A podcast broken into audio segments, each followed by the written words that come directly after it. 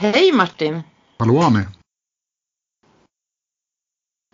Det var ju första maj-protest i lördags. Hur tycker du att det gick då? Uppfyllde det förväntningarna på ett ungefär eller? Ja, det skulle jag säga. Det gjorde. Det var en bra protest mot systemet. Mm, mm. Var det tillräckligt bra uppslutning eller hade du trott det skulle komma fler eller hade du trott det skulle komma färre eller? Eller var Nej, det, det var ungefär väl- så? Ja, det var väl i den här. Den var ungefär lika många som förra gången, kanske lite mer. Och det var väl ungefär det det landade. Tycker du det var värt att åka ända från Göteborg för att vara med där ett par timmar? Ja då, det blir en, eh, det blir en happening när man åker från Göteborg också. En, eh, en hel weekend och då har man möjlighet att träffa vänner och, och göra lite annat. Sen händer det lite grejer kring eh, eh, själva demonstrationen. Alltså det, om man åker i tänk från Göteborg till exempel så bokar många samma hotell och då kan man ju träffas där och, och så vidare. Så att jag tycker helt klart det, det är värt det. Och du hade egen, eh, eget plakat med dig. Med eget Mm. budskap. Ja, vi tar med oss fyra stycken. Jag kan ju kanske läsa upp vad som stod på dem. Skylt nummer ett så står det digitalt slash kontantfritt lika med övervakad av en korrupt stat. Och på andra sidan på den så står det staten är en maffia som vill ta hand om dig inom så här fnutta då. För de, de vill ta hand om dig precis som maffian vill. Och eh, på Mm. andra skylten så, så står det inget virus har isolerats, läs på Stefan Lanka. Och på den baksidan av den så står det bekämpa en hjälte, pastör var en bluff. Och den tredje var det storbrorsamhället covid-1984 rullas in nu. På baksidan att säga jag lydde bara order är ingen ursäkt. Och den fjärde av statens och medias propaganda är det verkliga viruset. Och på baksidan pandemin är påhittad för att dölja den kommande bankkraschen. Okej, ja men det var ju Mm. jättebra budskap alla de där. Mm. Ja, Och speciellt att då den folk- här... hoppas folk såg dem. Ja. Var det någon som kommenterade någon av dem? Vet du det? Eh, ja, jag, jag blev intervjuad av Tor- Torbjörn Sassesson. Eh, men den intervjun har inte kommit upp, eller jag vet inte om den kommer läggas upp.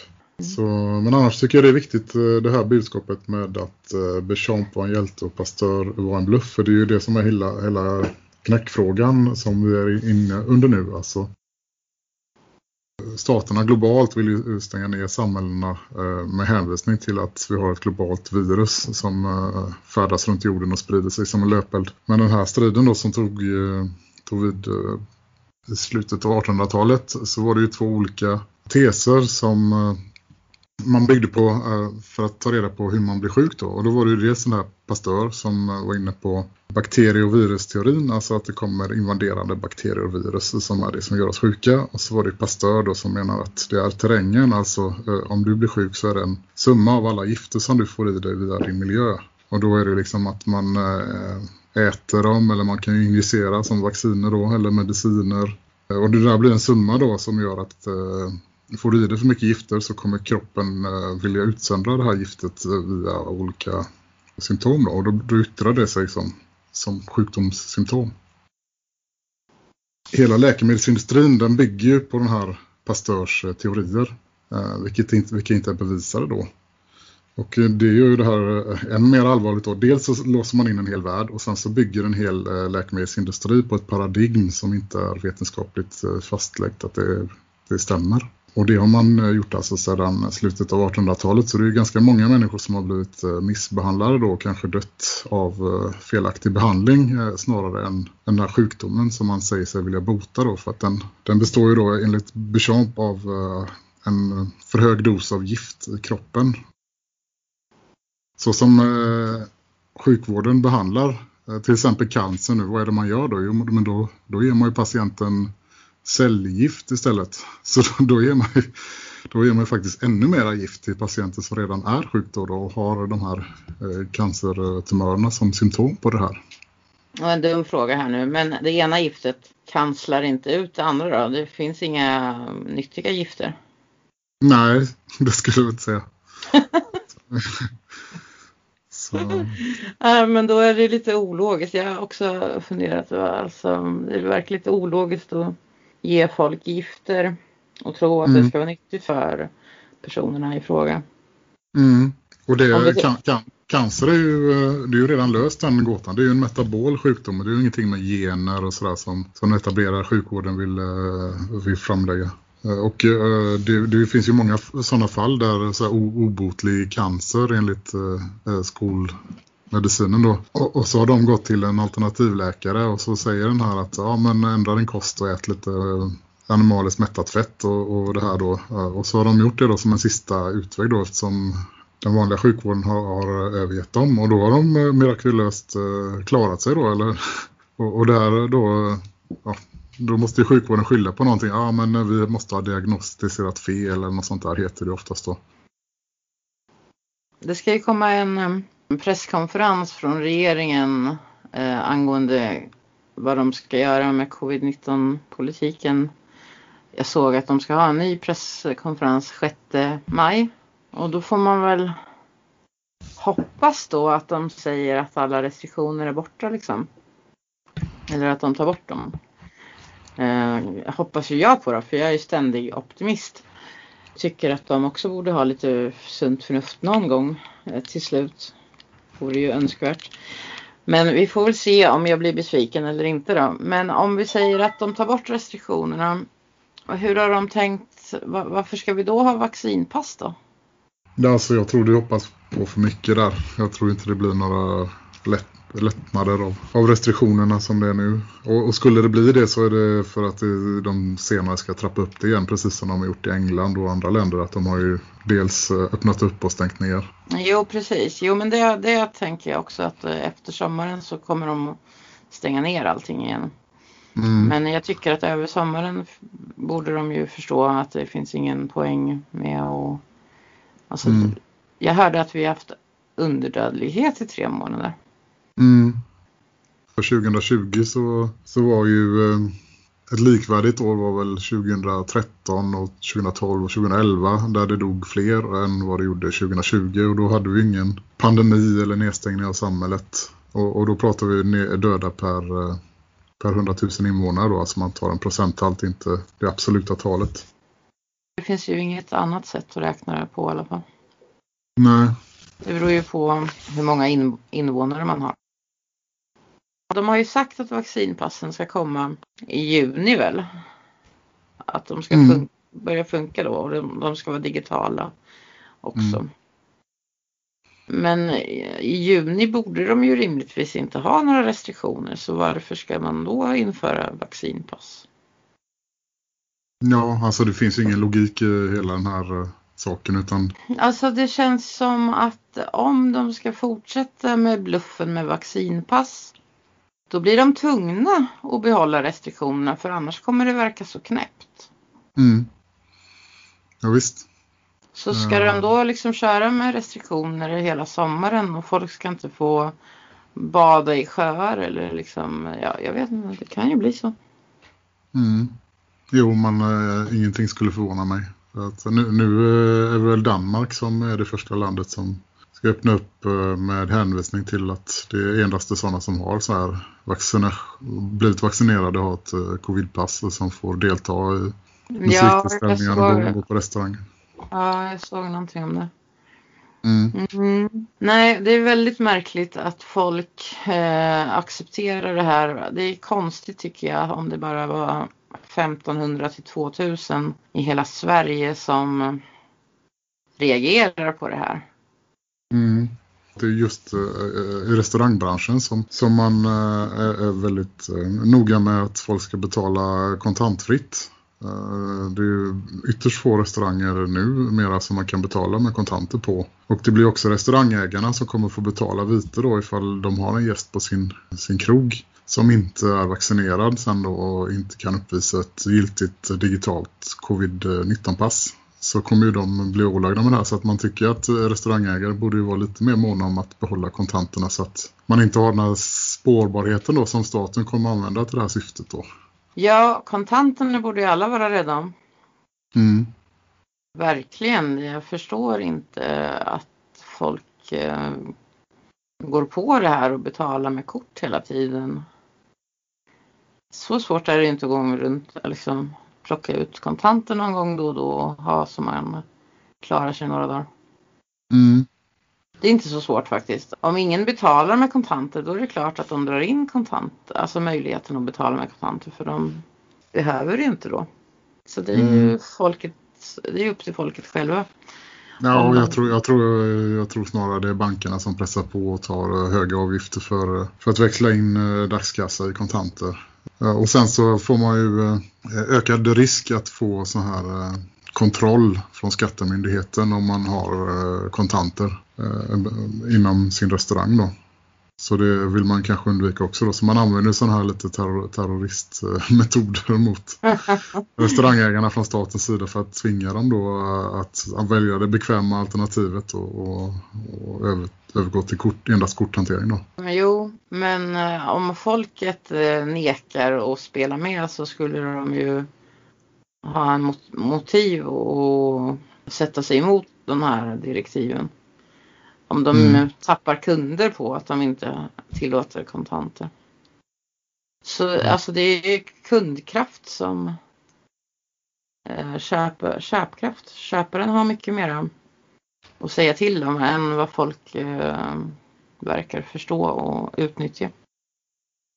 Här i Göteborg har vi hon eh, Alice Teodorescu blev skribent för GP och då eh, tänkte många att åh nu måste de anställa någon som skriver eh, lite sanning här men, men jag skulle snarare säga att de som orkestrerar det här de tillverkar ju pengar tomma intet så att för dem är pengar ingenting utan pengar är ett medel till att utöva makt. Och då ingår det att få dig att tro att eh, massmedia och sånt måste böja sig för den folkliga opinionen för att få, människor fortfarande ska köpa deras eh, tidningar. Men, men så skulle jag säga att det inte är fallet.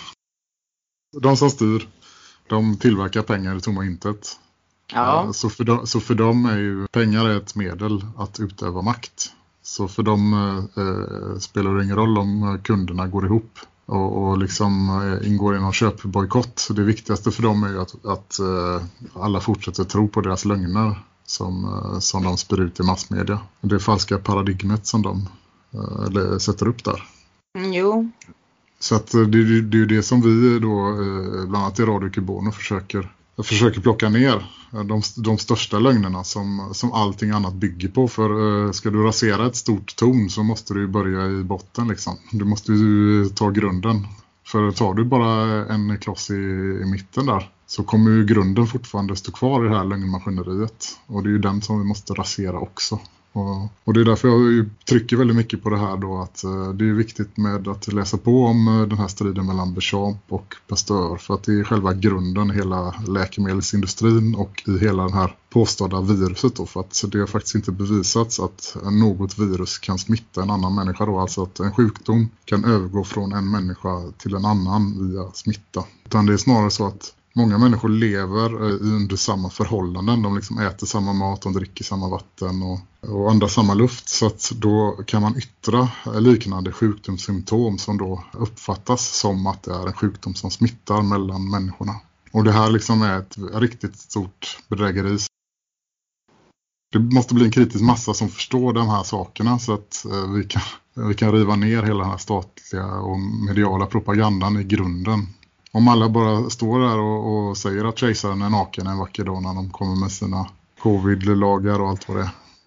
Mm, då är det dags att göra det nu då tycker jag mm. eftersom mm. det är vaccinpass på gång. Och nu mm. läste jag, det var någon som skrev på Twitter att Folkhälsomyndigheten har gått ut med rekommendationen att symptomfria barn ska testas i skolorna. De har ju fått börja skolan nu igen. Men alltså mm. då hade de ju lika gärna kunnat fortsätta att vara hemma då. då. Mm. Ja men alltså ska de sticka upp en pinne i näsan på dem en gång i veckan resten av deras skolliv. Alltså nej. Mm. Helt absurt. Och sen om det där testet visar att det är positivt då. Vad, vad, ska, vad har de tänkt göra då? Ja precis. Får de inte komma tillbaka till skolan då? Nej.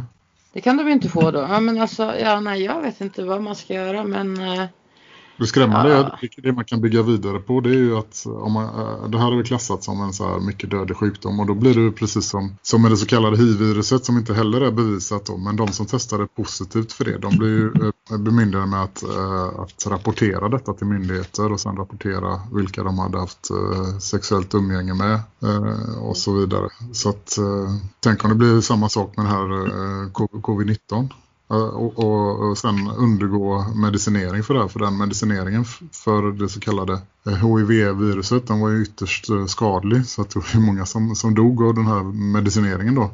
Väldigt läskigt alltså. För att alltså, har man inga symptom så ja men då är man ju frisk. Då ska man inte behöva ta några tester överhuvudtaget. Och har man symptom, ja men då kan man väl stanna hemma då, då om man är sjuk. Man mm. behöver inte ta några tester för det. Nej. Det är inte svårare än så egentligen. Nej. Folkhälsomyndigheten säger, har ju själva skrivit på sin sajt att eh, de där testerna inte hjälper för att bedöma om någon smittar utan man ska stanna hemma om man har mm. symptom. Mm. Plus ett par dagar efter. Mm. Ja, jag vet inte. Nej, men det är ja. konstigt i alla fall. Ja. Det är dubbla budskap där då, då från deras sida. Jo, men det, det, är ju det propaganda handlar om. Det är ju att ha motstridiga uppgifter så att eh, mottagaren av propagandan inte ska veta varken ut eller in och så ska den överlåta tänkandet till eh, någon form av expert eller auktoritet inom, inom området som ska ta, ta beslutet åt honom eller henne. Det, det är ju dit man vill komma då.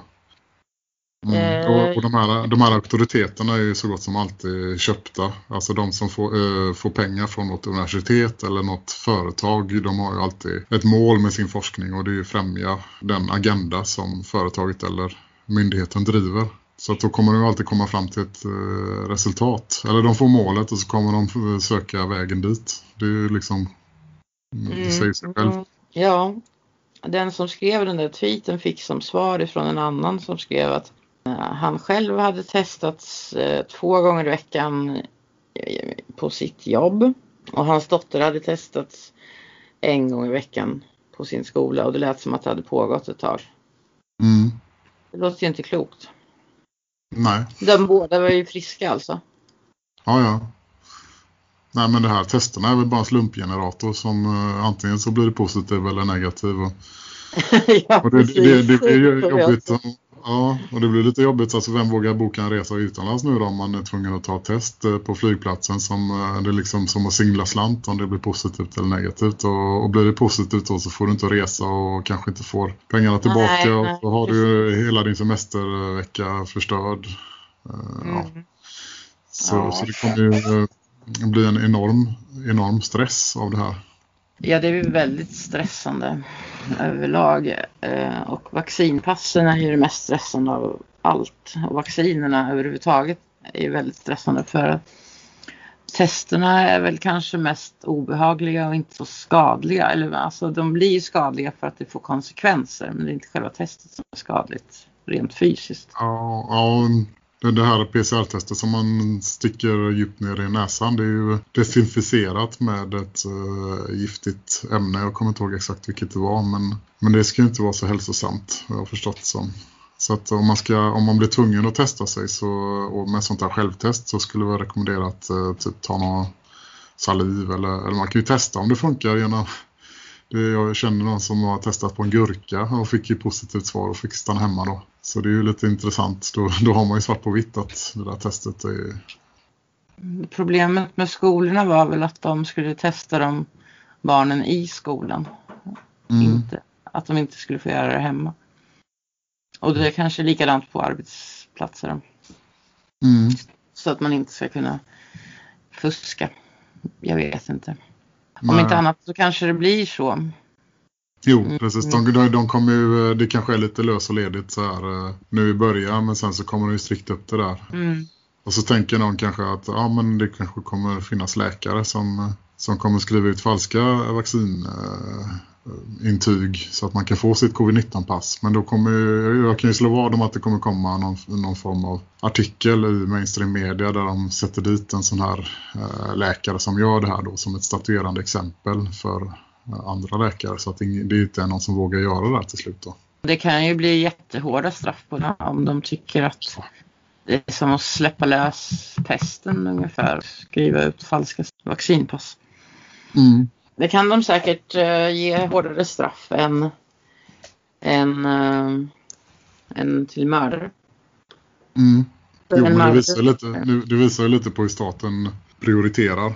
Alltså de här Många, många tror att rättsväsendet det är liksom en samlad moralisk kompass för vad eh, folket i grunden tycker ska vara rätt utdömda straff för olika saker. Då. Men det, det, det rättsväsendet vi har idag det är ju så långt ifrån den moraliska kompassen man kan komma. De lägger bara resurser på det de själva tycker är viktigt. Alltså inte mord och våldtäkter och sånt utan politisk opposition helt enkelt. Mm. Precis, det, det är bara, Ja, det är bara att de, se de, hur många poliser de samlade nu liksom till den här protesten. Jag mm. vet inte hur många det kan ha varit. Det måste ha varit hundra. Ja, det var det säkert. Ja, det var det säkert. Det kanske var ännu fler. Inte flera hundra kan jag inte tänka mig, men kanske över hundra i alla fall.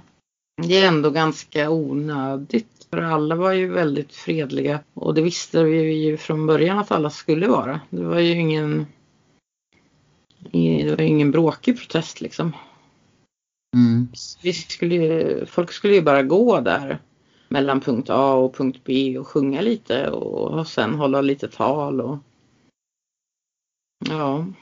Mm. Alltså, ja, alltså, det är väl ingenting att slösa en massa skattepengar på att betala hundra poliser för att bevaka. Och de nöjde sig inte med att bara bevaka heller tyvärr utan de var tvungna att lägga sig i också. Mm.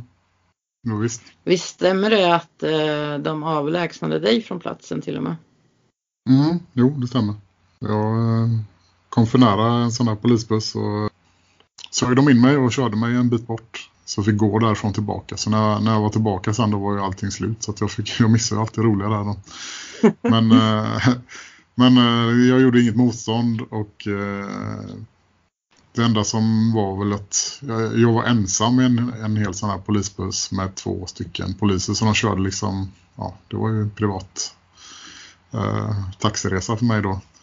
Eh, och det enda han frågade polismannen som var bredvid mig, han, tog fram sitt block och så frågade han, vill min herre uppge sin identitet? Och så sa jag, nej det vill jag inte. Och så typ la han ner sitt block och så var han tyst resten av resan och så var det bra med det.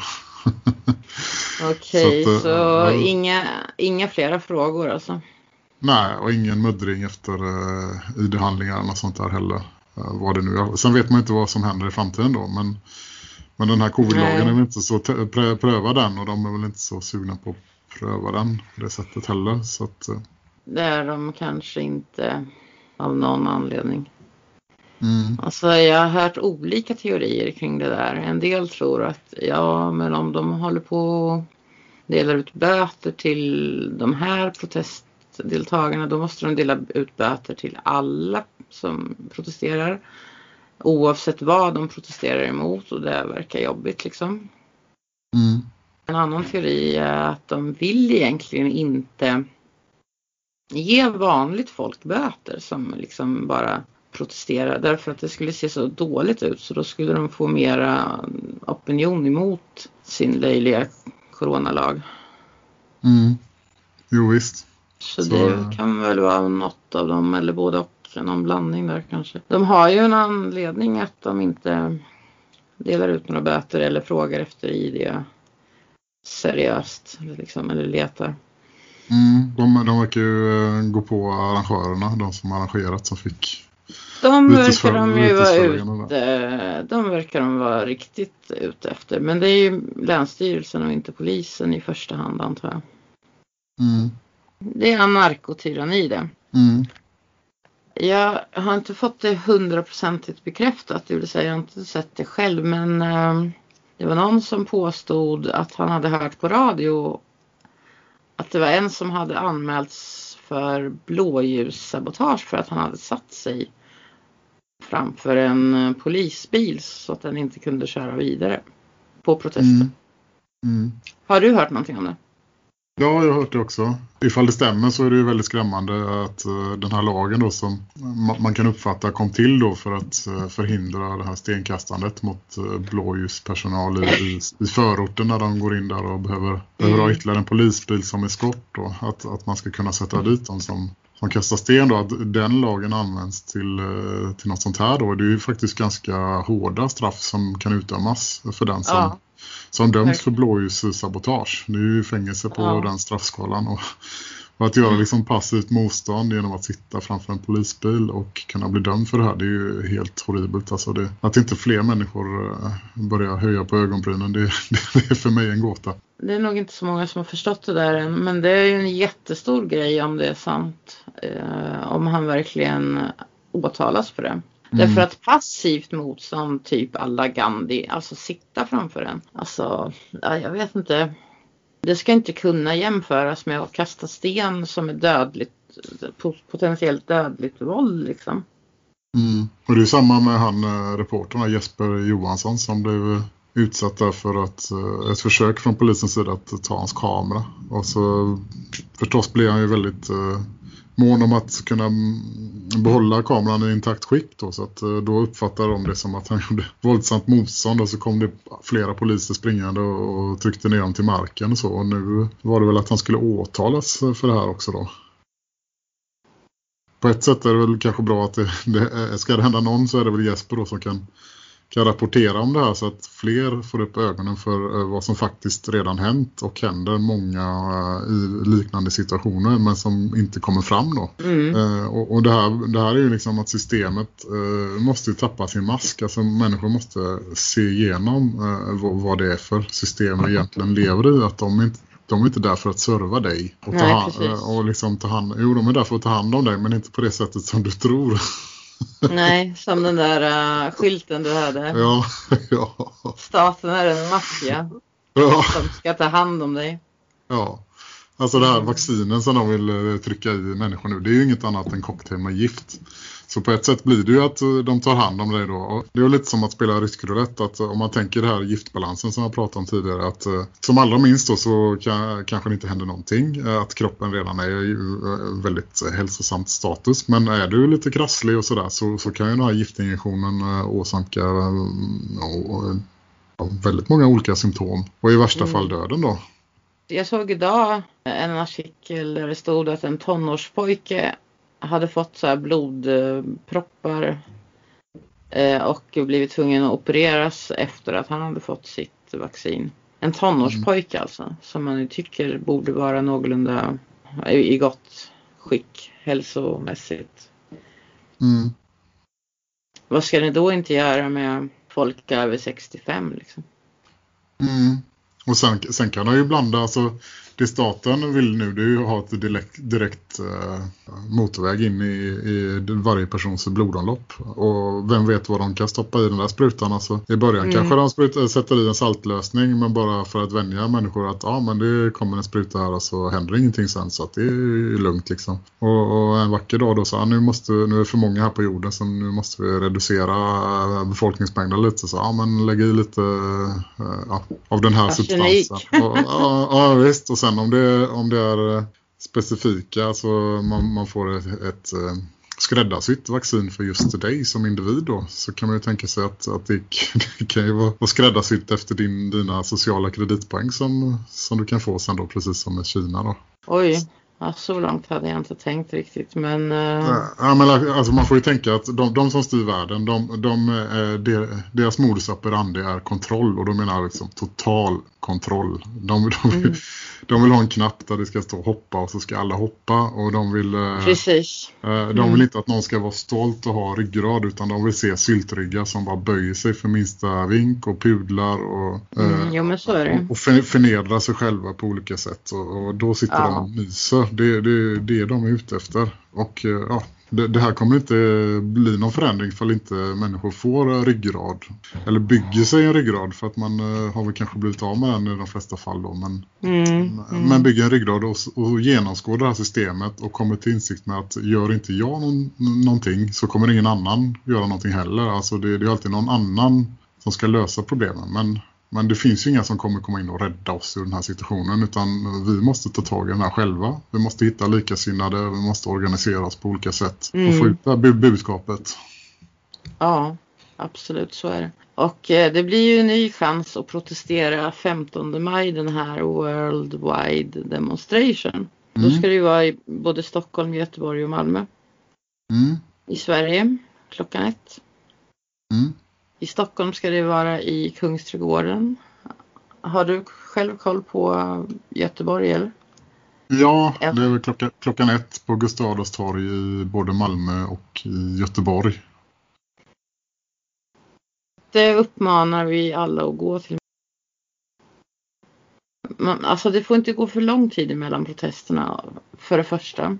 Man måste ha ständig press på de här makthavarna och då hjälper det inte att ha jättesmå protester med liksom 50 till 100 pers liksom. Utan det ska vara några hundra alltså. Det ska vara så att det blir rubriker helst. Och... Mm. För nu tog, nu tog ju till och med eh, statsministern upp eh, protesten i den här partiledardebatten. Mm. Och då, då har man ju, alltså då har ju budskapet ändå nått till, till den man ville att det skulle nå. Eller mm. till dem man ville att det skulle nå. Alltså kommer det i tidningen så det spelar liksom ingen roll direkt vad de skriver. De skriver att vi är nazister och extremister och foliehattar och konspirationsteoretiker och uh, ja, jag vet inte vad de skriver. Vem bryr sig? Jo, det är ju det här eh, stämplandet. Ja. Uh, och eh, det, det bygger väl på dels det man får lära sig i skolan om källkritik. Alltså det, man får ju lära sig att man, innan man tar del av någonting så ska man alltid titta på källan. Alltså man ska inte titta på argumenten i det som texten beskriver. utan man ska titta på vem, vem är avsändaren. Och så är det någon avsändare då som staten har satt en stämpel på om det är en nazist eller om det är mm, om det är en eh, konspirationsteoretiker eller vad det nu är, då ska man inte ens titta på den här informationen. Det är så man får, får lära sig och, och, man ska lära sig att uh, uh, höja rösten och komma med personangrepp och ja. Så, ja. ja, det är väldigt stämplande på de här som protesterar och även på de som arrangerar eller Precis, men, men det som man måste göra då det är ju inte pudla någon gång. För ju, ja, ja, ju, mer de, ju, ju, mer de använder de här stämplarna desto mer urvattnade blir de. Alltså, det blir liksom eh, löjeväckande och eh, ja, egentligen är det bara bra att de sätter den stämpeln för att det, då urvattnas den stämpeln ännu mer så blir det än mindre ja, stigmatiserande att bli kallad för det här. Och, och, till slut så har de slut på stämplar liksom. om ingen bryr sig. Precis, stämplarna funkar ju bara om folk tar åt sig eller bryr sig. Mm. Problemet är väl, alltså det de vill uppnå är ju att de som inte har varit där och sett med egna ögon. Det är de som de vill förhindra att de ska gå dit och, och delta och se med egna ögon. Utan de ska bli bortskrämda redan i förväg och tänka att det där är bara en massa knasbollar eller extrema typer.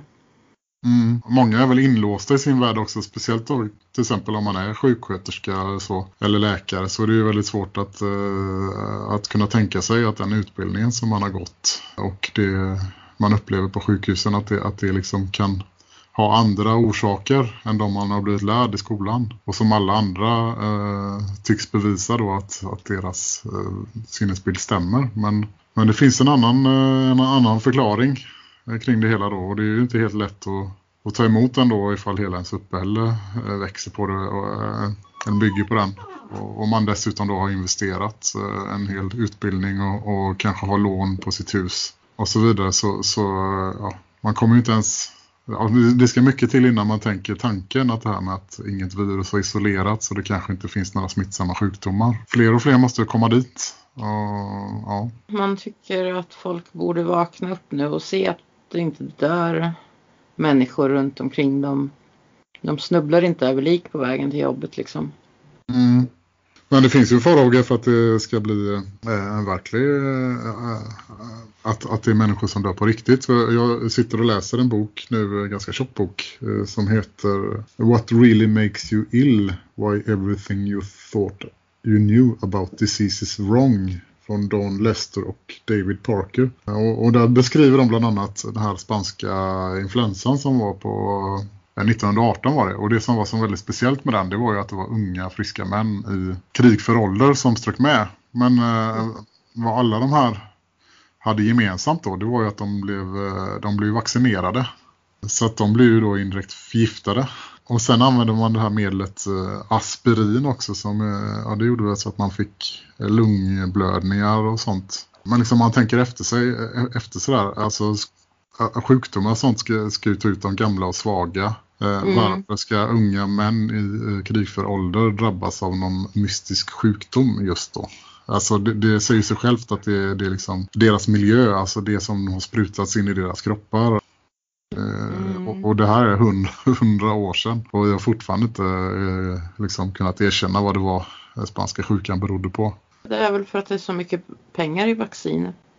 Ja, och att eh, de som eh, styr eh, vill ju hålla populationen nere. Alltså, eh, de anser ju många vara så här eh, useless eaters. Och istället för att eh, kasta någon ut för ättestupan så kan man ju liksom under goda intentioner då ge dem mediciner som tillsammans i en cocktail blir dödlig det var inte bara coronaprotesten de eh, ville ge viten till utan det var det här bensinupproret också. Och de skulle ju köra en bilkortege. Mm.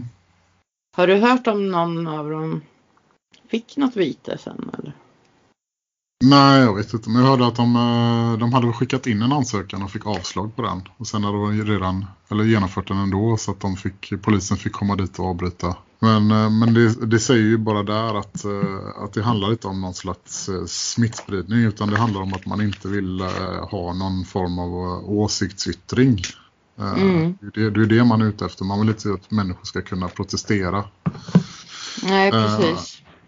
Men det blir så lustigt för att det, ja, det man får lära sig i skolan så det är att man stoltserar. Men i Sverige har vi en grundlag som, som skyddar våran äh, åsikts- och yttrandefrihet. Och sen så nästa veva då så, så åsidosätter man den här självklara rättigheten då. vi hade ja, det, en sån grundlag. ja, men det börjar, jag har också nyligen läst den här 1984 och det är ju skrämmande likt det som står i den. Det är liksom sanningsministeriestuk på det hela att man vänder allting 180 grader. Att det blir precis tvärtom.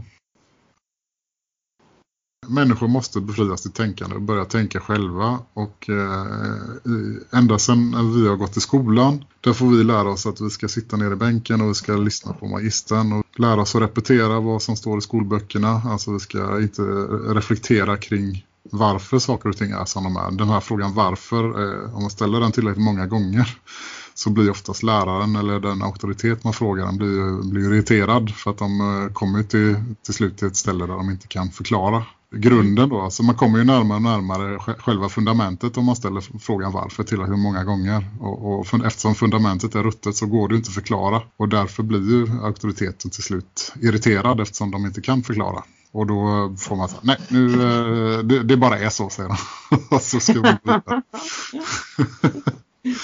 För att jag säger så. Ja, för, för att jag säger så är det så. Jag, eh, mitt ord är din lag. men, eh, men så går det vidare sen då eh, i lumpen. Jag har gjort lumpen och vad får man lära sig där? Jo, man ska inte tänka själv och man ska lyda överordnadens order. Och säger han att du ska vårda ditt vapen en timme så spelar det ingen roll att det är rent efter en halvtimme för du ska vårda ditt vapen i en timme för att uh, han har sagt det. Så då är det alltså inget syfte med det hela utan du ska lära dig att göra någonting uh, för att, uh, ja, för att någon säger det. Och, och det, så går det vidare i universitetsvärlden och sen så när du är på ditt jobb, är du polis så blir du av med ditt jobb om du inte gör som du blir tillsagd. Sen kan man ju då välja att göra sitt jobb på olika bra grad. Man kan ju göra den så bra så att överordnade blir nöjd. Men, att, men ändå så, man, man behöver inte gå in i det med det här lilla extra då och skicka batongslag. Eller, när man kan komma undan med det kan man ju behandla eh, en demonstrant från den här första maj-demonstrationen med respekt och så. Mm. Uh, och i sjukvården, ja, läkare får man ju lära sig den här germ theory, pastör. Det är ju hela där, där grunden är falsk.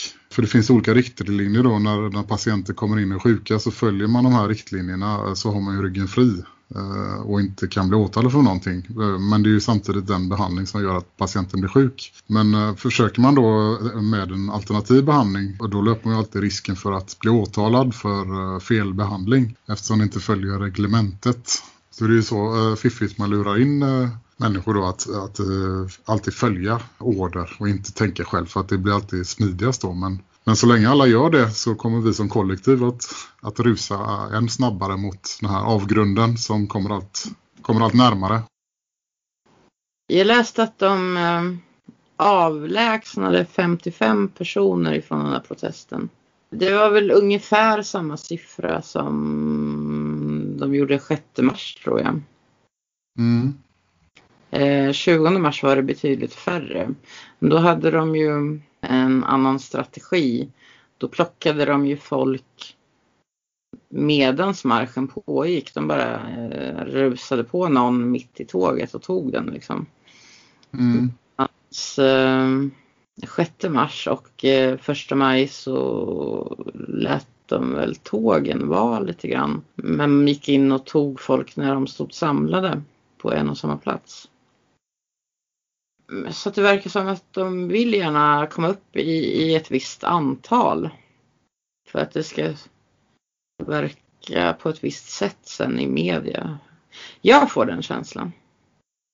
Jo, det, det man har sett av mainstream media är väl att det står att polisen upplöste manifestationen och så vidare. Så att mm. då ska de liksom komma undan med eh, heden i behåll där då. Mm, ja, det ska verka som att de gör någonting. Men jag menar, vad är det för vits? Om det står tusen pers på ett ställe, vad är det då för vits med att plocka bort 55 personer av dem? Det finns egentligen ingen vits med det överhuvudtaget, eller hur? Och vitsen är väl att statuera exempel. Att eh, för många så kanske polisen är den här organisationen då som rycker in när det begås hemska brott. Då, då blir man ju kanske avskräckt då att få åka, åka polisbil och ha det i sitt CV sen då. Vi lever kanske i tiden nu när det börjar bli en merit snarare. När man tittar tillbaka sen då så kommer ju människor som har varit eh, nickedockor och bara sagt att de lydde order. De kommer ju få stå till svars för vad de har gjort. Mm. För det, det är ju väldigt hemska handlingar som begås i detta nu. De poliserna som du fick åka med, de som tog dig, hade de gasmask eller bara munskydd eller inget? Inte gasmask men uh, sån där vanlig tygmask. Uh, mm. Den 20 mars hade ju alla gasmask verkade det som. Poliserna. Mm. Om, om poliserna får välja själva om de ska ha gasmask eller inte eller om de blir tilldelade, tilldelade det. Ja, det kan man undra. Ja, det är väl ganska fysiskt krävande att ha på sig en sån där gasmask om man ska ja, det måste det vara. Försöka, försöka dra i folk. Så det har väl mer ett uh, visuellt intryck då. Uh, ja, det, tror, det tror jag också. Det tror jag absolut. Jag, jag, tror att det är för att skrämma folk. För de ser ju lite robotaktiga och omänskliga. Alltså de blir avhumaniserade. Mm. Och sen är det kanske för, eh, ja, vi tänker oss, eh, du och jag kanske umgås i lite mer vakna kretsar, men vanliga Svenne Banans där ute där, som tittar på det här, de tänker ja men polisen måste ha på sig gasmask för att skydda sig mot den här hemska smittan som händer ute. ja, precis. Det kan nog säkert vara dubbel eh, eh, anledning där. Att de tycker att det är bra till båda de två sakerna. Men eh, vad de åstadkommer är ju att de ser ut, alltså poliserna med gasmaskerna, de ser ut och står väldigt, väldigt långt ifrån folket. Mm. Det är ju tyvärr så det är, men det är det är inte en önskvärd situation. Nej. De tillhör ju egentligen också folk, alltså de är ju också vanliga människor egentligen. Jo, det som all den här propagandan eh, som vi blir utsatta för är till för. Det är ju för att vi ska begå handlingar som vi inte hade gjort om, inte, om vi hade vetat hur allting egentligen ligger till. Hela den här coronahistorien har ju polariserat folket ännu mer än vad mm. det innan. Det är ju det, det blir... skrämmande många som tror på det här och tycker att det är farligt och går omkring och är livrädda. Mm. Så då tycker de att vi eh, som protesterar är oansvariga. Men Mm. de ser inte, de, de är så lurade att de inte ens ser de verkliga faror som hotar med vaccinpass och, och sådana saker. Medicinsk apartheid och kontrollsamhälle och allt det här. Och, och det var ju någon, någon tjej kanske det var, som hade ett plakat där det stod eh, I fight eh, until you wake up eller något sånt. Mm. Den var Mm. väldigt bra. I fight for you until you wake up. Så Ja. tror jag var. mm, Ja visst. Var det från denna demonstrationen då? Jag tror det. Ja, ja det var det. Okej. Det var ju väldigt bra. Men för det är ju så det är. Vi måste ju, alltså de som har förstått måste ju ta den här fighten för alla våra familjemedlemmar och, och bekanta eh, och alla andra som inte har förstått. Mm. Precis. Tyvärr. Och sen, sen måste man ju svälja stoltheten eh, också i framtiden och eh, ja, man kan ju vilja säga vad var det jag sa men eh, man måste ju ändå kunna, kunna förlåta sen i framtiden. Ifall vi ska kunna klara oss ur den här situationen så måste man ju, och bli tillräckligt många så måste vi faktiskt göra det. Ja, det beror lite på hur långt det hinner gå innan de vaknar till liv, de där sovande fåren. Men jag har sett eh, att många har vaknat till liv nu, sådana som var totalt Mm. så här, covid-troende. Nu när det är riktig fara och färre med coronapass och grejer, då, då, då är det några stycken som var riktigt fanatiskt troende från början som faktiskt nu är emot. Mhm. Så det är positivt. Ja, på Twitter har jag sett några stycken faktiskt. Mm. Och det var väl lite samma med eh, alternativmedia som eh, i princip all alternativmedia i början av den här historien var ju förespråkare för Precis, hårdare, ja. hårdare restriktioner. De har ju ändrat tonart lite grann. Allihopa nästan nu. Men, men det, Ganska, det, ganska mycket till och med. Precis. Och, och det är därför vi är inne på det här med, med att man måste gå till själva kärnan och grunden av problemet och förstå problemet. För annars kommer man gå på sådana här nit. Alltså, vi, vi kunde ju säga i Radio Kubono eh, redan från början att det här är en hoax. För att vi hade gjort läxan och tittat på, på tidigare liknande händelser då. Och det är ju väldigt viktigt att människor tar beslut baserade på fakta. För eh, det, ett bra citat är ju att eh, eh, en eh, människor som tror på en grotesk eh, groteska föreställningar kan också begå groteska handlingar. Om man tror att världen ser ut på ett sätt som den inte gör, som man är itutad av, eh, av mainstream media, så kan man ju begå väldigt hemska saker. Så är det ju.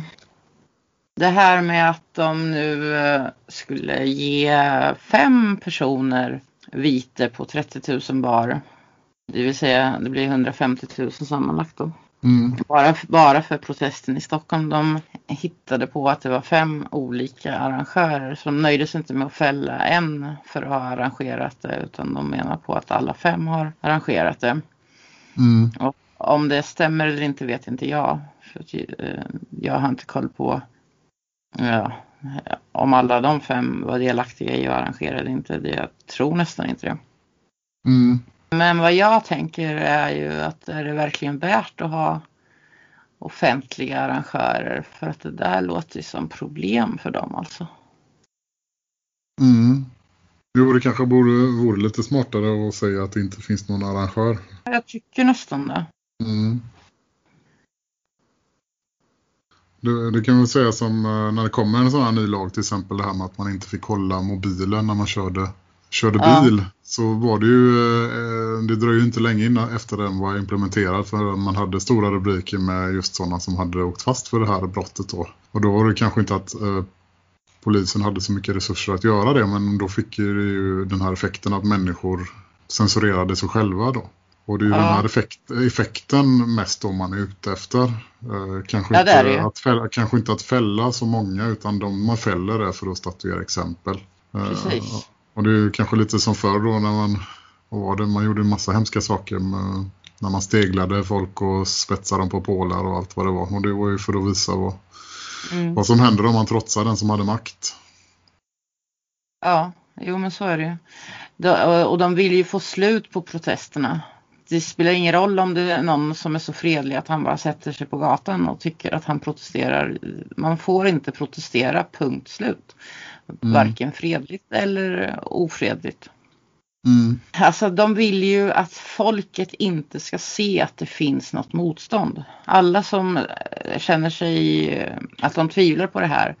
Alla ska tro att ja, men det är bara jag som är så dum och eller smart, beror på hur smart man är. Mm. Men, men liksom, det är bara jag som inte tycker att det här är en bra idé. Alla andra tycker att det är en bra idé. För annars skulle ju folk göra motstånd, protestera.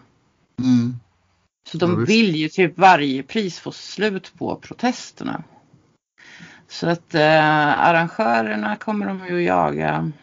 Men jag tycker det verkar ändå dumt liksom. Och, och, ja men låt dem jaga då. Men varför ger de det fri, liksom, frivilligt? Mm. Jo. Självklart måste man ju överklaga. Om de skulle få för sig att säga, alltså alla, alla som de får för sig att anklaga för att vara arrangörer, vare sig de är eller inte, ska ju överklaga det. Som jag ser det så måste ju de här um, protesterna kunna sköta sig själva. De kan inte stå och falla med en arrangör. Det är, mm. inte, det är inte tillräckligt folkligt i mina ögon. Alltså det är mer folkligt om folket går ut utan arrangör. Se på gula mm. västarna i Frankrike. Tror du verkligen att det var någon enda person som arrangerade alla de där protesterna när hela folket gick ut varje lördag? Jag tror att de bara gjorde det för att de hade bestämt sig för det. Liksom. Tror inte att en enda person skulle kunna få ett helt folk att göra någonting. Mm. Eh, och jag tror, inte, jag tror inte att eh, det går i Sverige heller. Helt, mm. helt enkelt därför att svenska folket är väldigt polariserat och splittrat. Och eh, om den ena skulle arrangera så skulle halva folket eh, typ bojkotta den protesten på grund av att det var den arrangören. Och vice versa. Alltså den människa är inte född som kan ena svenska folket just nu, tror inte jag. Så att mm. jag tycker det vore mycket bättre om folk eh, bara bestämde sig. Nu går vi ut. Utan att det fanns någon som tar på sig ansvaret för att sätta igång dem. Alltså folk måste ta sitt eget ansvar och folk måste sätta igång sig själva. Och man kan mm. inte heller, man kan inte, alltså om de här eh, Filip och, och gänget, om de fortsätter att ordna tio protester förr eller senare så kommer de att åka i fängelse alltså. Och då mm. står folk där utan någon ledare. Hur ska de då kunna protestera om de inte har lärt sig att ta, göra det utan ledare? Det kommer sluta illa. Det här, det här kommer inte gå över på länge av sig självt. Jag ser ser inte att det kommer göra det. Vi kommer att vara tvungna att kämpa för det och eh, alltså de här eh, vi, vi har för få engagerade på den nivån för att det ska funka. Skillnad om det var en ledare per stad, per by i hela Sverige som fick med sig flera hundra i varje stad. Men uh, ha en arrangör för hela landet som får med sig några hundra i en stad. Alltså, Nej, det, det, det är inte så vi kommer lösa det här problemet tror inte jag. Mm. Det behövs, eh, det behöver att det kommer ifrån folket, inte att det är någon som hela tiden offrar sig. Och om det går lite tid så kommer våra ledare att sitta i fängelse och då står vi utan ledare. Vad ska vi göra sen då? Nya kan ju komma men eh, men eh, ja, jag vet inte. De som profiterar på det här det är ju en ytterst, ytterst liten del av befolkningen. Eller det är ju de här makteliten som tjänar på det. Resten är ju bara förlorare. Och de har ju ordnat en form av maktpyramid där alla ska rättas in i ledet och göra saker som inte är för sitt eget bästa utan för, för en sämre värld helt enkelt. Och, och mm. alla, alla de här 99 procenten måste ju komma till insikt med att det, det förhåller sig på det sättet. Uh, och, och bryta sig ur sina bojor. Men, uh, men börjar människor ta beslut baserat på fakta istället för lögner så har man i alla fall en möjlighet, skulle jag säga. Jag tror att de som är längst ner i den här pyramiden som, som har det riktigt, riktigt dåligt eh, rent ja, materiellt och praktiskt på alla sätt och vis. Eller de som är sjuka kanske. Det kan ju finnas olika anledningar till att man är längst ner. Jag tror inte de någonsin kommer att orka eh, göra någonting åt saken. De har nog med att bara överleva. Mm. Så vi talar inte om att 99 procent kommer kunna resa på sig utan kanske hälften av dem. Mm. Men det skulle ju räcka. Men, eh, men det är svårt för de som förstår orkar inte. Många av dem. Det är, det är vad jag tror i alla fall. Mm. Och de flesta är upptagna i många meningslösa jobb. Alltså det finns ju så många jobb som egentligen är meningslösa eller gör precis tvärtom mot vad yrket säger att man ska göra. Läkareden är väl do no, you shall not do harm är väl eden då men sen så får man ju skriva ut mediciner hela dagarna till sina patienter som just gör dem skada. Ja.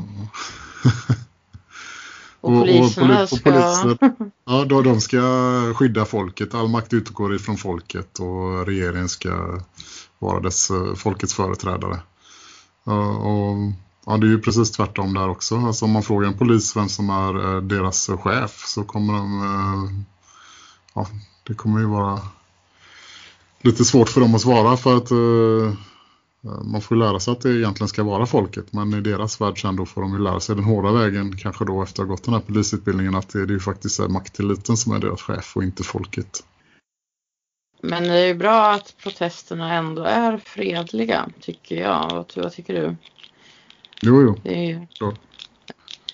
För det sänder ju ut rätt signal då till Alltså det är svårt att verka som att man har eh, att man kämpar för det goda om man begår onda handlingar.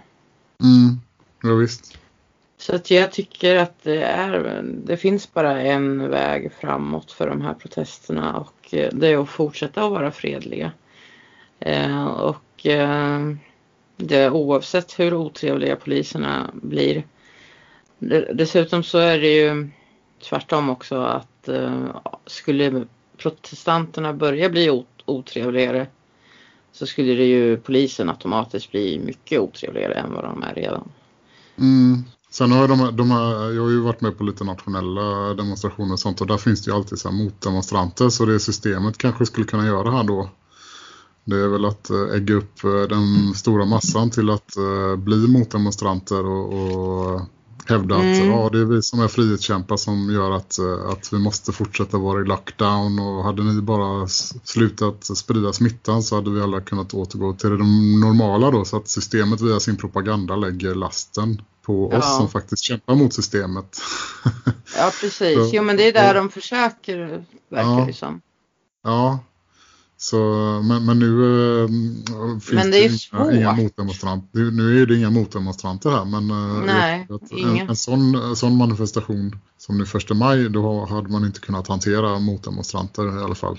Men äh, just den här grejen är ju väldigt svårt att hitta motdemonstranter till. För att de som är emot saken, det är ju de som är rädda. Mm. Och de kommer ju inte frivilligt att gå ut.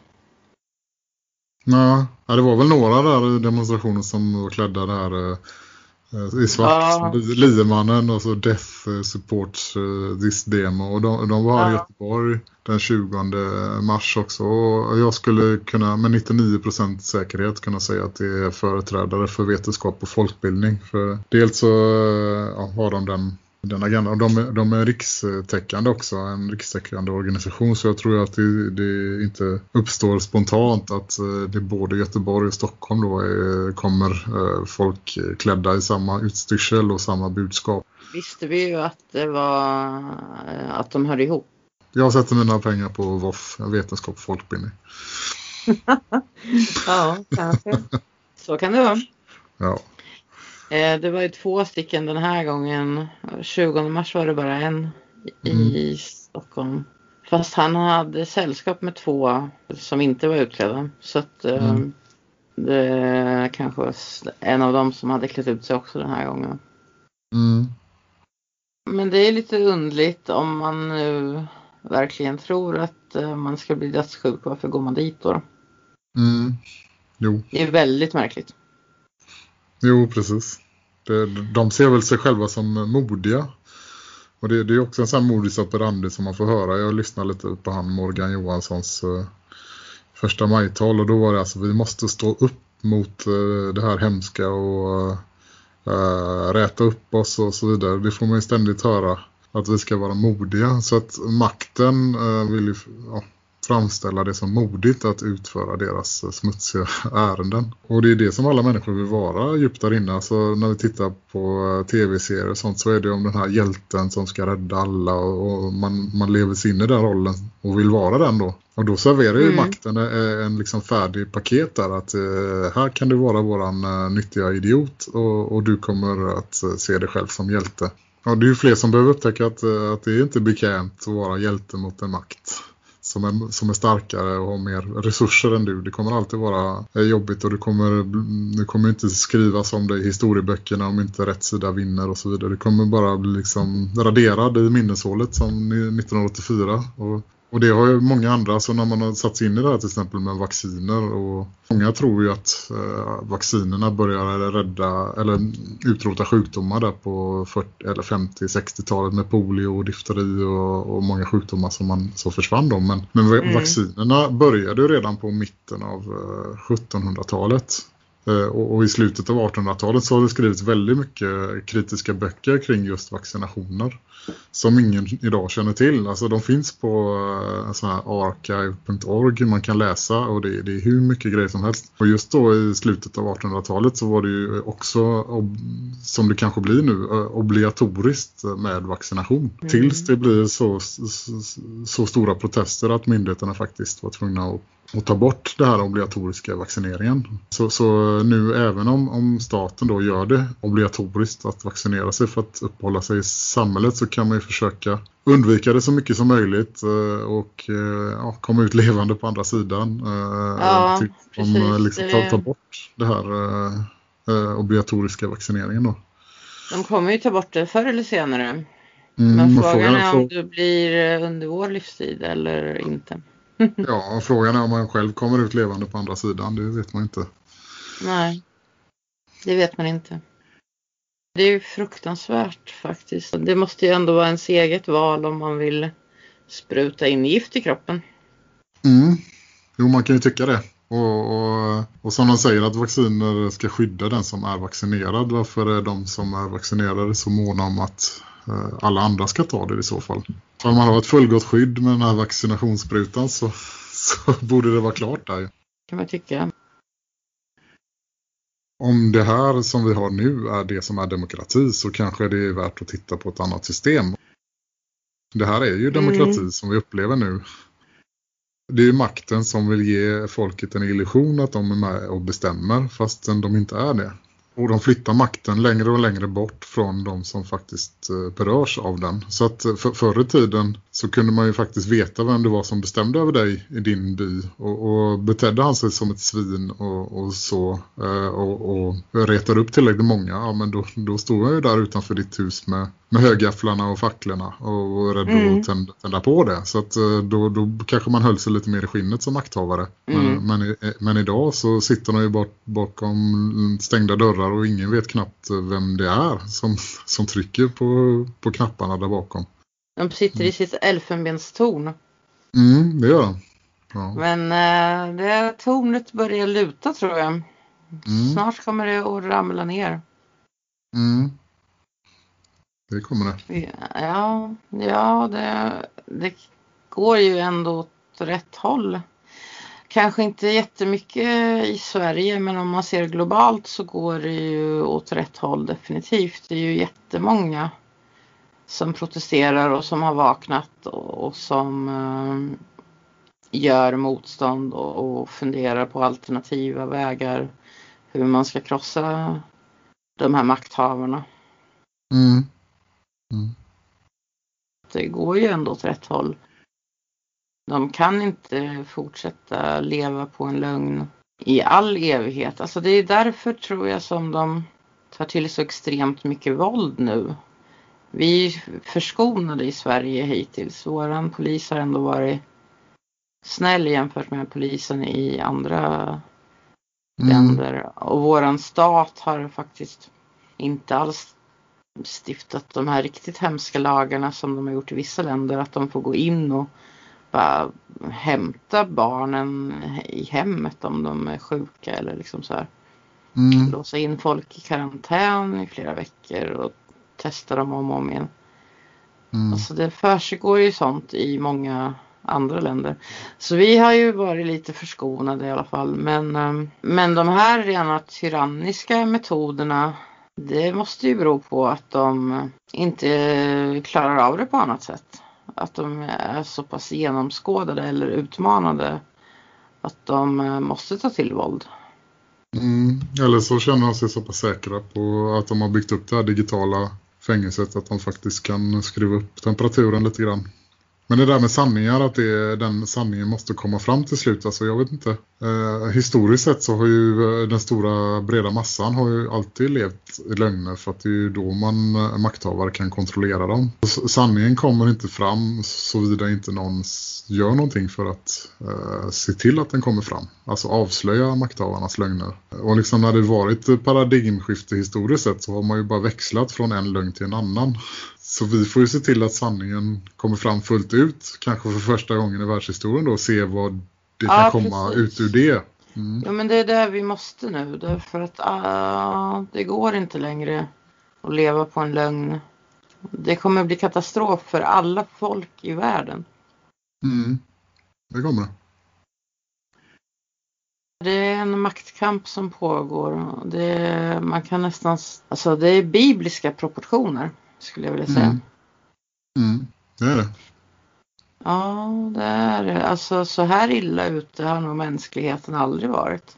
Nej. Det är ju rent slaveri som väntar om de får in det här digitala sociala poängsystemet och dessutom tvinga i alla människor i hela världen vacciner flera gånger varje år, resten av deras liv förstå hur många som kommer dö av det.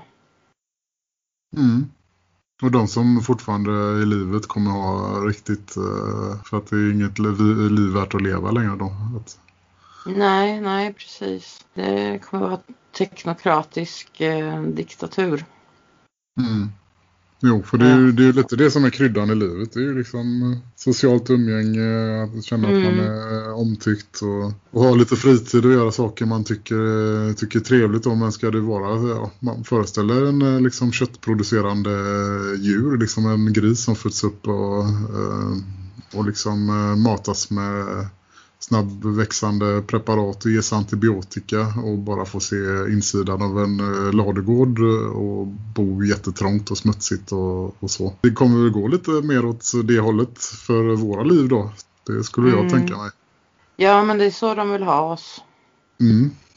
Då, kan, då, är vi inte i position att göra revolt någonsin mer och vi inte, ingen kommer att vara i position att kunna samla de andra. Alltså alla kan gå omkring och vara sura för sig själva men ingen kommer kunna starta någon revolt på egen hand. Nej. De kommer ju få till ett angiverisystem som heter Duga. Nu har de ju till och med i Kina gjort en app för att folk ska kunna ange varandra lättare. Mm. Jo, visst. Det kommer, kommer, kommer hit också. Och var det i Australien där de hade fått för sig att sätta fotboja på folk för att de inte ska åka för långt hemifrån eller vad det var. Eh, så här coronaregler. Mm. Vi har ju faktiskt en, en potentiell elektronisk fotboja i våra smartphones som vi bär runt hela tiden. Eh, men man gör ju det mer och mer svårt att vara utan den. Till exempel när man eh, gör nya parkeringar nu så är det ju allt för oftast så finns det inte ens en kortbetalningslösning utan de sätter helt sonika upp eh, skyltar att eh, här är det sms-betalning som gäller och betala med den här smartphone-appen. Vilket gör att du inte ja. kan parkera då om du inte har en smartphone. Mm. Och sen om den här covid passet blir igenom då så måste du ju faktiskt ha med dig din smartphone då om du ska gå på ja, någon konsert eller besöka restaurang och sånt där för att överhuvudtaget komma in. Eh, så då, då gör mm. man det ju mer och mer nödvändigt att ha i olika interaktioner i samhället. Eh, så att det, och sen då kan man ju kanske koppla GPS-positioneringen på din smartphone eh, till ditt hem. Och om du då är utanför ditt hem eller din smartphone ute och vandrar utanför ditt hem Mm. Utanför, utanför storebrors utgångsförbudstider så kan du, kan du se att du är olydig och mm. vidta lämpliga åtgärder. mm. Ja, nej men det var ju, om det var Irland här för mig, jag läste för länge sedan. Det var en kille som skrev att eh, de har ju infört någon slags eh, smittspårningsapp som alla är tvungna att använda. Mm. Och de är tvungna att liksom logga på den flera gånger om dagen varje gång de går förbi en ny mast typ. Och tala om exakt vart de är och vilka de är med och de måste lyda in, instruktioner ifrån den där appen. Mm. Varje dag så han känner det som att han är totalt förslavad. Mm. Och det är lite där du, du pratade om. Så mm. att, eh, det pågår ju redan eh, i andra länder det är väl precis så de har tänkt att de här vaccinpassen ska funka liksom. Mm. Men sen tror jag det, det kan vara ett propagandistiskt knep också. Att, eh, för, för, att eh, en del i propagandan äh, ser till att man ska tycka att vi ändå har det mycket bättre här. Så att man ska kunna utstå det man vill förtrycka oss med. Att ja, men vi har ju ändå bättre än Kina och så vidare. Så att, ja, det är ett sätt för att genomdriva agendan också. Absolut, det, det hör man ju hela tiden folk som säger men vi ska väl inte klaga. Varför klagar du för på våra töntiga restriktioner? Vi har ju inga restriktioner att tala om. Mm. För nu, nu, sätter man väl inte in alla de här dystopiska grejerna på ett och samma ställe utan vi hör att de kommer. Till exempel de här ja. fotbojan i Australien och så har de den här appen på ett annat ställe och så är det restaurangen nedstängda i Storbritannien och sånt. Och så uppfattar vi det som att ja, men vi har det ju ändå väldigt bra här. Men då uppfattar man det som att hela världen är, är under jättehård eh, lockdown på alla punkter och har alla de här eh, dystopiska sakerna i görningen just nu då. De verkar absolut som att de testar olika dystopiska lösningar i olika länder eh, på olika tillfällen i alla fall. Så att allt kommer inte samtidigt överallt. I Tyskland mm. pratade de ju om koncentrationsläger eh, på gång. Men jag vet inte, jag har inte hört något mer. Men det räcker liksom lite grann med att det finns på ett ställe och så ska man höra att det är på gång på fler ställen. Så ska man tänka, oj då, det kommer hit också sen. Mm. Eh, ja, visst. Ja, visst. Men det kommer ju säkert att ta flera år innan allting är, finns överallt. Mm. Jo, jo. Men under, under de åren så ska vi gå runt och, och, vara rädda hela tiden. Så att vi ska ändå inte kunna vara glada. Vi ska oroa oss hela tiden. Mm. Och samtidigt tänka att ja, vilken tur att vi i alla fall slipper att ha det som de har i Kina. Liksom, eller. En spännande tid att leva i, hör du. Det hade mm. man inte kunnat tro för bara ett par år sedan att det skulle komma något sånt här. Nej, det är det. Men uh, ja, vi får hoppas att det här ger en wake-up call till tillräckligt många personer för att uh, vi ska kunna göra någonting åt det här. Mm, ja, det får vi verkligen, verkligen hoppas. Ja, men uh, då ses vi på någon framtida protest igen i alla fall. Mm, det gör vi absolut. Så ja. kanske vi hörs på framtida poddavsnitt också. ja, det gör mm. vi säkert också. Eh, men jag hoppas att eh, många kommer nu 15 maj också. Eh, det är ju worldwide så det vore pinsamt om det bara blev pyttesmå protester i Sverige. Mm, mm. Medan alla andra protesterar tiotusentals per stad liksom. Mm. Ja, ja. Mm. Ja, men det, det var i alla fall roligt att eh, första maj-protesten gick bra. Man får se det som en seger. Man får ta en, en seger i taget och vara glad för det. Mm. Yep. De kunde inte stoppa den och det, alltså, då betyder det att det var en seger för oss. En seger för folkviljan faktiskt. Jo, precis. Förr eller senare måste de ju lyssna på den. Men vi behöver bli lite fler som sagt, hade ju varit bra. Antingen att man blir fler eller att man gör det oftare. Om man mm. gör man det oftare behöver man kanske inte bli fler. För tusen, fem, alltså tusen, femtonhundra, tvåtusen, det är ändå tillräckligt många för att det ska märkas. För att det ska mm. vara effektivt. Mm. Oftare då, då skulle ju vara bra i alla fall. Newsvoice blev nekade eh, pressstöd på grund av då att de inte eh, hade artiklar som uppfyllde just det här vetenskapliga konsensuset. Eh, och det blir en ganska farlig väg då om vi har alternativmedier som faktiskt satsar på att få pressstöd och att man då inte kan eh, kritisera vetenskapen i grunden, vilket man måste göra om man ska putta ner det här stora eh, lögntemplet. Så att människor inte fastnar i ja men alternativmedia, de gräver och de kommer eh, komma fram till sanningen utan de är ju faktiskt också beroende av, av pengar och, och sen därefter kommer viljan att sprida sanningen då.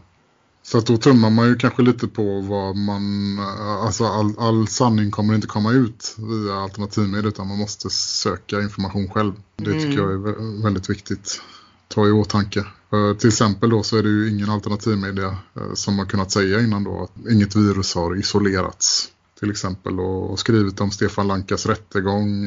Man har kunnat skriva om det här Bechamp versus Pasteur ja, det finns jättemycket sådana grejer som, som är eh, grundläggande i hela det här bedrägeriet som vi lever i. Som ingen alternativmedia skriver om än så länge. Så ja, man kan väl utmana dem lite att eh, kom igen nu. Skriva om eh, det riktigt eh, stora bedrägeriet. Man ska ju liksom inte lita blint på någon. Man måste alltid söka upp fakta själv tycker jag. Mm. Exakt. Och än så länge så är ju informationen finns ju tillgänglig där ute om man väl söker och det blir kanske svårare med Googles eh, censurfilter och, mm. och, Facebooks algoritmer och sånt så, så gör ju det att eh, när du skriver in vissa sökord så ser de till att du får de träffar som de vill att du får. Men, men än så länge så går det ju att få fram vettig information uh, utifrån de här sökorden men jag tror inte det, ja det kan ju inte ligga särskilt långt borta innan man bara får fram eh, sådana här faktagranskade eller fact-checked eh, sites då godkända av systemet som de säger då. Mm. Eh, och ja, då blir det ju lite svårt att få en referensram för nyuppvaknare eh, till eh, lögnerna i systemet. Då är liksom, finns det ju ingen opposition längre.